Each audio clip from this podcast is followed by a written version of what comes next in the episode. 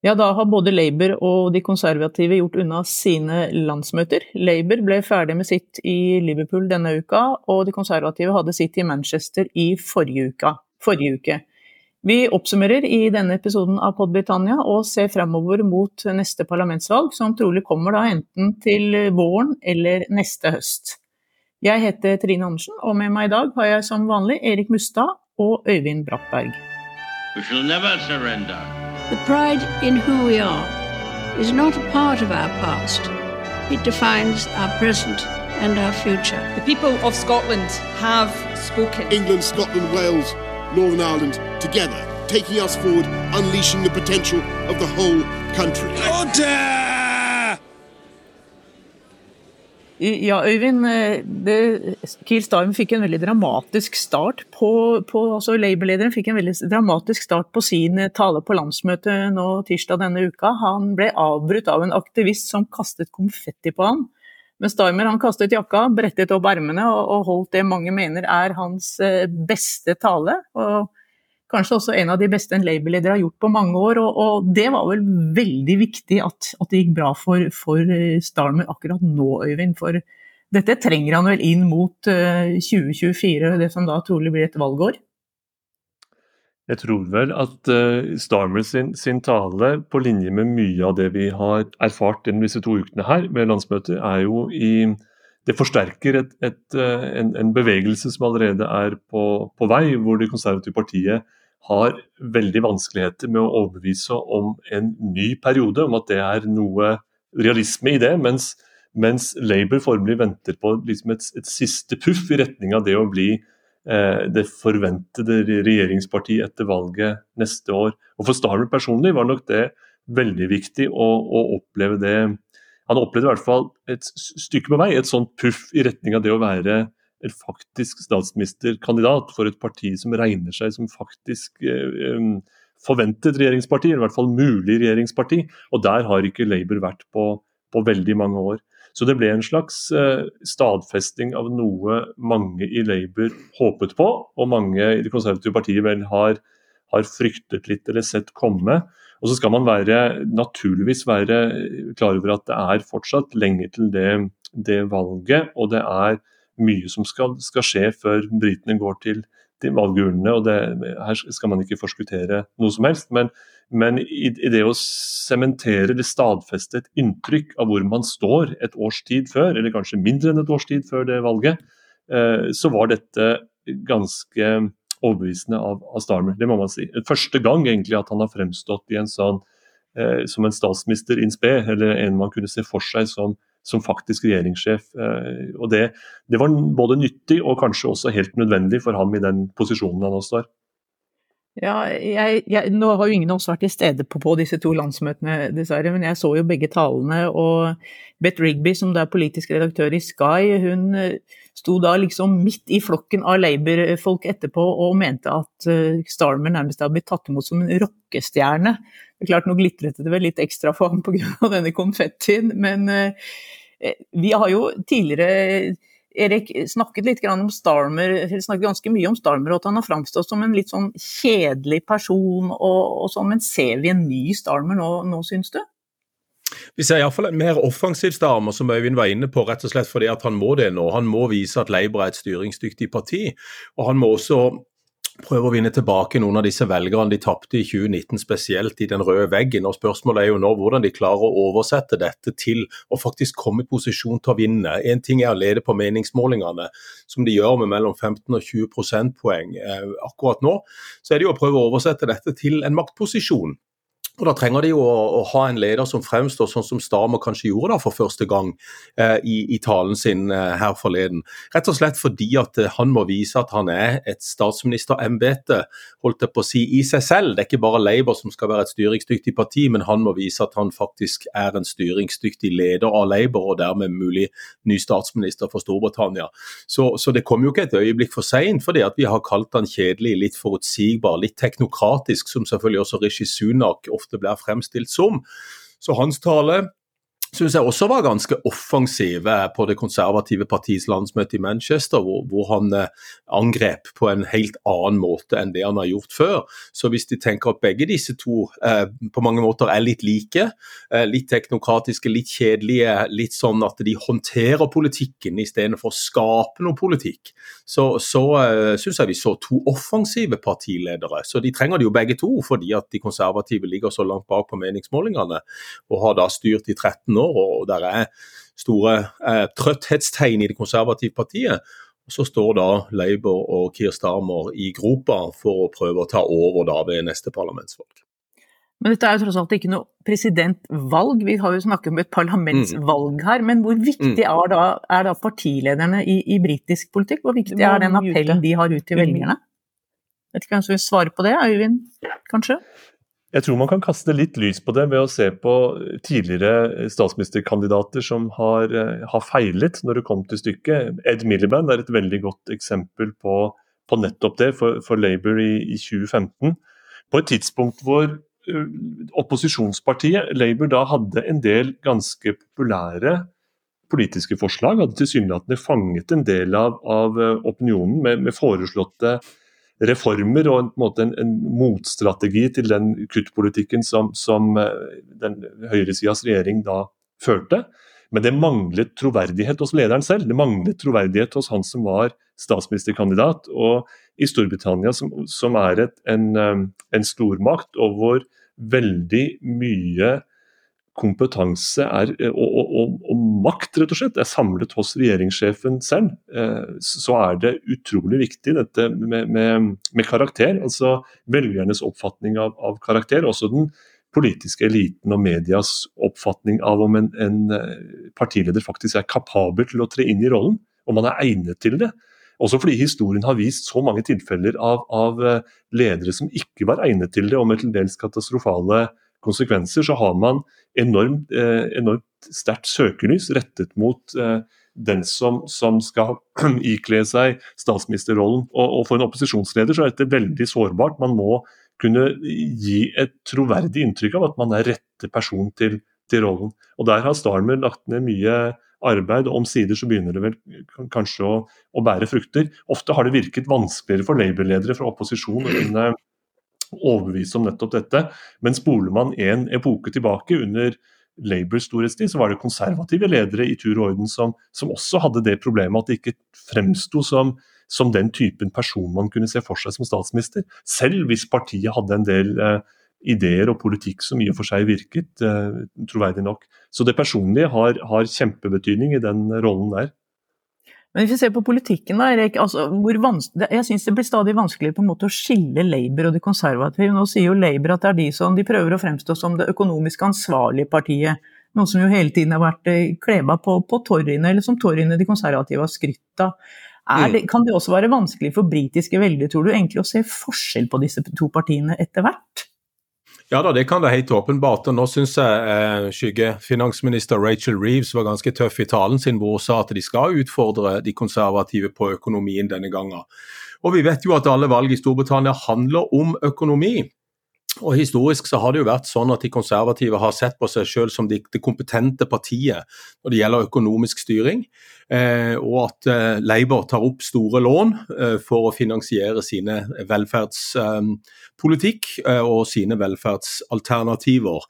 Eh, så De konservative har jo skåret veldig ofte ganske bra på at de har sagt at de er økonomisk kompetente. Eh, så Det betyr jo at Labour tar en risiko med å gå inn på den barnehalvdelen med, med de konservative og rett og slett spille på den barnehalvdelen hvor det handler om økonomi, økonomi, økonomi.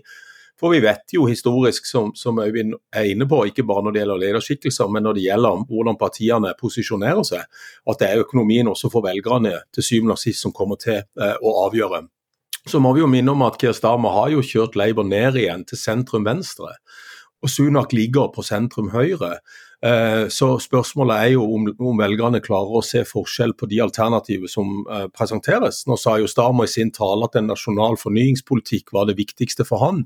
Husbygging, velferdsstaten, helsevesenet, og alt dette, og at de da har muligheten til å føre en, en, økonomisk forsvarlig politikk, det er velgerne nødt til å se fra Labour også. Så det blir spennende å se når de da er inne i denne midtsirkelen og spiller ball der om Storbritannias økonomi og fremtida. Vi har hatt levekårskrise, vi har hatt høye priser. Eh, ja, så Det har jo vært en veldig vanskelig livssituasjon nå i løpet av de siste årene for Storbritannia. Vi vet jo at eh, Storbritannia er ute av EU også. Brexit ble fullbyrda av tidligere statsminister og, og konservativ partileder Boris Johnson. Eh, og Forrige valg i 2019 eh, var jo et brexit-valg, så nå får vi et valg i løpet av 2024 som, som er kanskje et såkalt ordinært valg igjen. Um, så får vi se da hvor velgerne er nå. Vi er litt usikre på det, men foreløpig så, så gir de iallfall sin oppslutning i meningsmålingene til Labour så det, så det synger etter. Og som valganalytiker John Curtis vel sa her forleden, rock bottom for the Tories. Det betyr at de er helt på båndet nå, altså.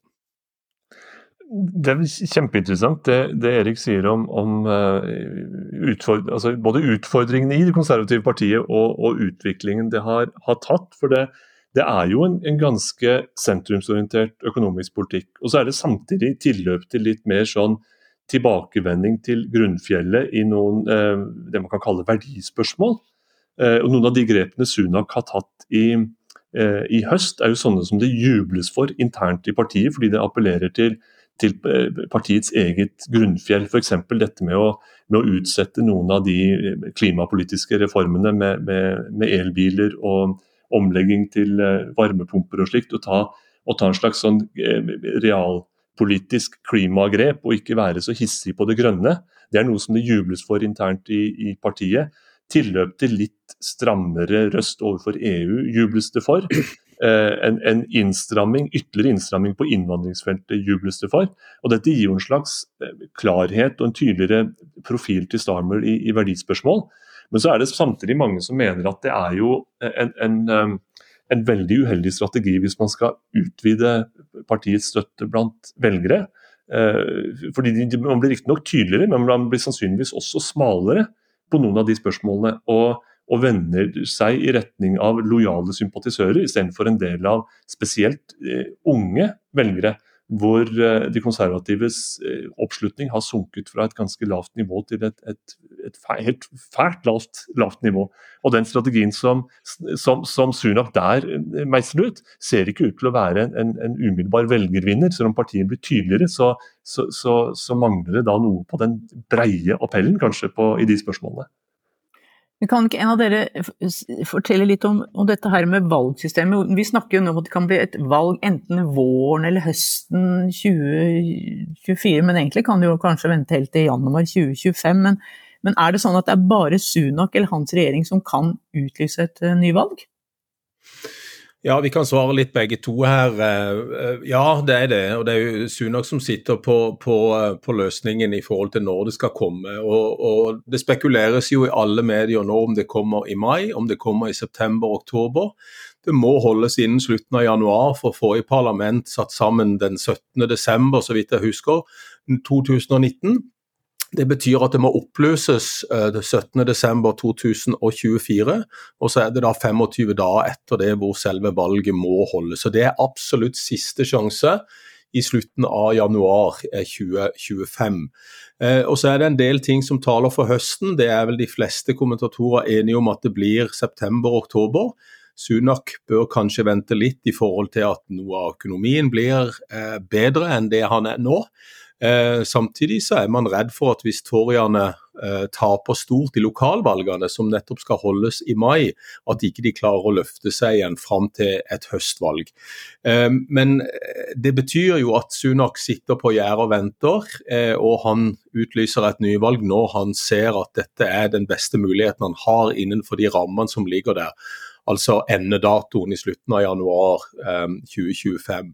Så vi, vi, tror vel alle sammen at det kommer i september-oktober, men vi hørte jo at Labour og Keir Starmer er klar for et maivalg hvis det skulle vise seg å være eh, reelt. Eh, Sunak sa jo også i et intervju under landsmøtet at eh, britene har ikke noe behov for noe valg akkurat nå. Vel, det er sånn han ser den situasjonen an. Han har mandatet til Boris Johnson som de konservative da vant valget i 2019, og det er det han styrer på nå. Og Han ble jo kritisert for bl.a. denne hurtigtogslinja fra Birmingham til Manchester som han sa at han ikke ønska å bruke penger på akkurat i denne situasjonen som Storbritannia befinner seg nå. Eh, og Det mente veldig mange var et såpass stort politisk valg å ta, uten at han sjøl har vunnet noe valg som partileder av det konservative partiet, men sitter da på Boris Johnsons mandat fra 2019. Så spørsmålet er jo om landet eh, ønsker å ha et valg. Eh, Sunak sitter med nøkkelen til dette og ønsker da å, vil jeg tro, utsette dette så langt det lar seg gjøre, men kanskje ikke lenger enn til begynnelsen av oktober. Det fantes jo en tid hvor, eh, hvor man gjentatte ganger så Erik Mustad i vårfrakk i, i London ved, ved hvert ja. valg, og det, det, det, virket jo å være en ren naturlov. Jeg skal ikke si om det var, ja, det var men det var i alle fall mai. Nei, ny frakk hver gang.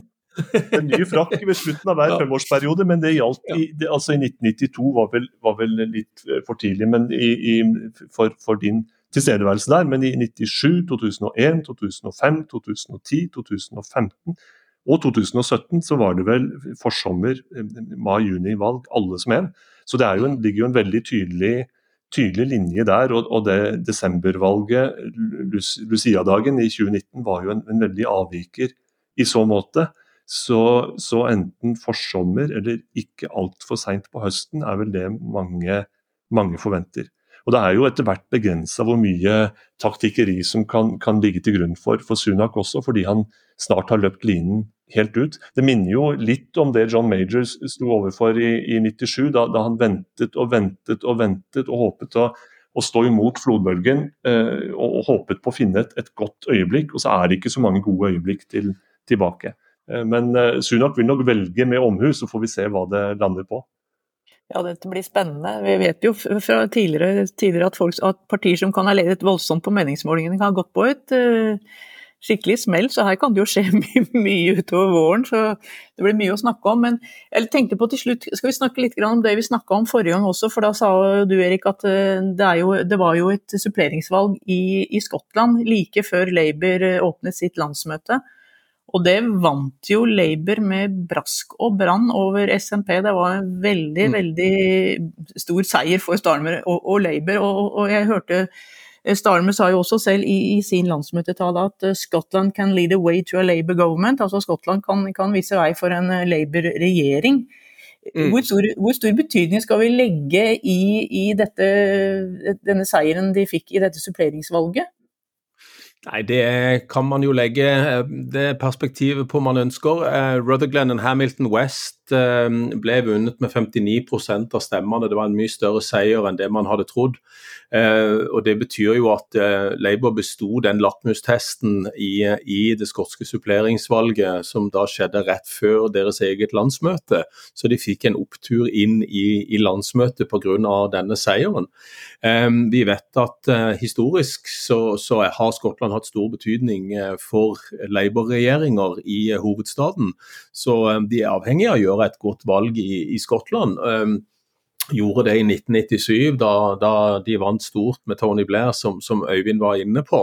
Så, sånn sett så er Skottland viktig, og at de kan klare å ta tilbake veldig mange av disse SMP-setene. fordi at SMP er jo i fritt fall i, i Skottland etter arrestasjonen og dog fri, fri eller løslatelsen av Nicola Sturgeon, som, som, var partileder i SMP. Og Hamza Josef i SMP har vel ikke klart å, å få partiet opp igjen fra den gropa de var nede i i vinter. Så Labour har absolutt muligheter der. Og så, snakker vi jo om den røde veggen som de tapte til Boris Johnson Labour i 2019, at der må de komme tilbake igjen. De konservative har på mange kasta bort den muligheten de hadde med de tradisjonelle arbeiderklassevelgerne i, i Nord-England spesielt, da, og også i Nordøst-England. Så, så her har Labour alle muligheter til å ta disse tilbake. Og nevnte John Curtis som som er statsviter og valgekspert i Storbritannia, sa vel at eh, vi stiller tallene til grunn eh, fra suppleringsvalget generelt i Skottland, ja, så ville Labour vinne mer enn 40 seter av de 59 som Skottland har. Og Det ville være et betydelig innhogg og bane veien for en ny Labour-regjering. absolutt. Og Så er det noe med denne lina som også Øyunn var inne på, at uansett om det kommer i mai eller om det kommer i, i september-oktober, så er det på en måte ikke så mange flere krumspring de konservative har igjen å, basere noe eh, vurdering på i forhold til når valget skal komme. Kanskje man like godt skulle få dette overstått med, med en gang. Eh, er det noen da som mener, selv om også de fleste innad i det konservative partiet tror det blir september-oktober, men Skottland er, er, blir, er, og blir veldig viktig for, for Labour i, i neste valg. Skal vi bare minne om at Labour i dag bare har, har etter at de vant dette suppleringsvalget, så har de også bare to representanter i, eh, fra Skottland i, i parlamentet. Mm. Så, så hvis, de hadde, hvis, de hadde, vunnet 40, så hadde det virkelig, virkelig vært et skred. Ja, så. absolutt. Labour har også eh, Det er jo et, et, annet tema vi jo har vært eh, inne på før også. At, at med lang tid utenfor regjeringsmakt, så har de mange u, om ikke uerfarne politikere, så i hvert fall politikere som ikke har, eh, ikke har bekledd regjeringsverv tidligere.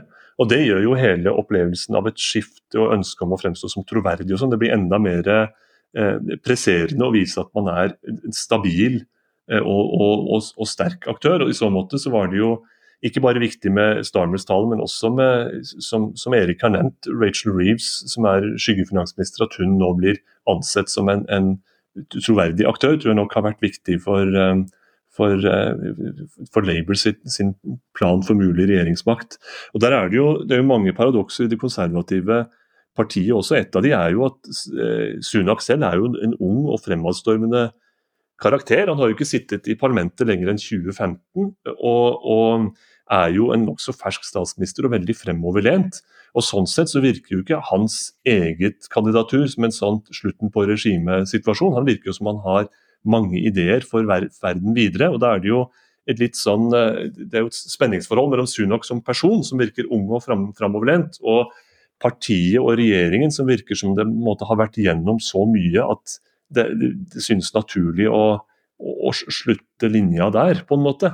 Eh, men her er det, det er mye som er i spill fortsatt. Meningsmålinger og valg er to forskjellige ting, og det, er, det kommer til å bli et særdeles spennende 2024. Ja, jeg må bare si til slutt her, som Øyvind sier, at, at uh, meningsmålinger og valg er to forskjellige ting. Vi vet jo at de konservative ligger bak uh, før og kommet sterkt tilbake igjen. Rett og slett fordi at velgerne ser på Toryene som det beste økonomisk styrende partiet i, i Storbritannia.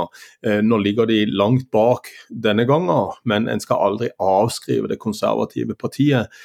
For vi må jo også stille spørsmålet hvor mange er det som er lei de konservative, snarere enn omfavner Labour. Så, så, det blir jo på mange måter det store spørsmålet når man skal gå til valgurnene. Er det det at man er lei 13 år med konservativt styre som gjør at man stemmer Labour, eller er det en offensiv um, positiv stemme for Labour og Keir Starmer man, man ønsker å, å, eh, å, å, kaste, holdt jeg på å si. Så spørsmålet her er jo da hele veien om, om Labour klarer å kapitalisere nå på den eh, voldsomme ledelsen de har, og også stå løpet helt ut. IMF har jo sagt at det kommer en lav vekst i Storbritannia for, for neste år, det internasjonale pengefondet. Eh, det kan være med å avgjøre det også. Jeg syns jeg så på en eller annen grafe her at Storbritannia ligger lavest av de europeiske stornasjonene når det gjelder vekst. og det, det, er også noe som kan spille inn på, på folks lommebok, og, og, og, dermed på valgresultatet.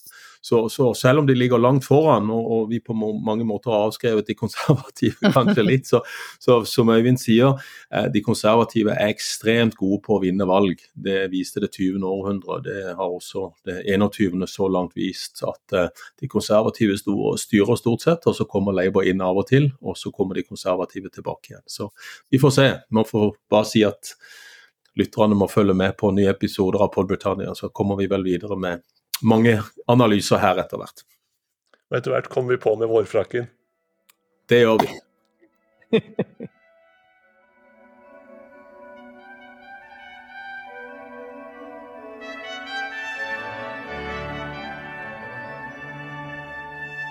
We shall never surrender.